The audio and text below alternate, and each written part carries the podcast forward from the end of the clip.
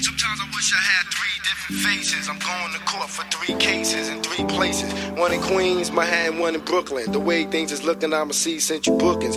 Facing three three to nines it's mad time. After rent concurrent for assaulting two nines, I gotta maintain. Cause stress on the brain can lead to a motherfucking suicide thing. And plus my probation, a L violation. How the fuck did I get in this tight situation? I'm going all out, you know moves I never fake. And fuck the Jake Dickey catch me at my weight. And if I die, burn the bag of blade.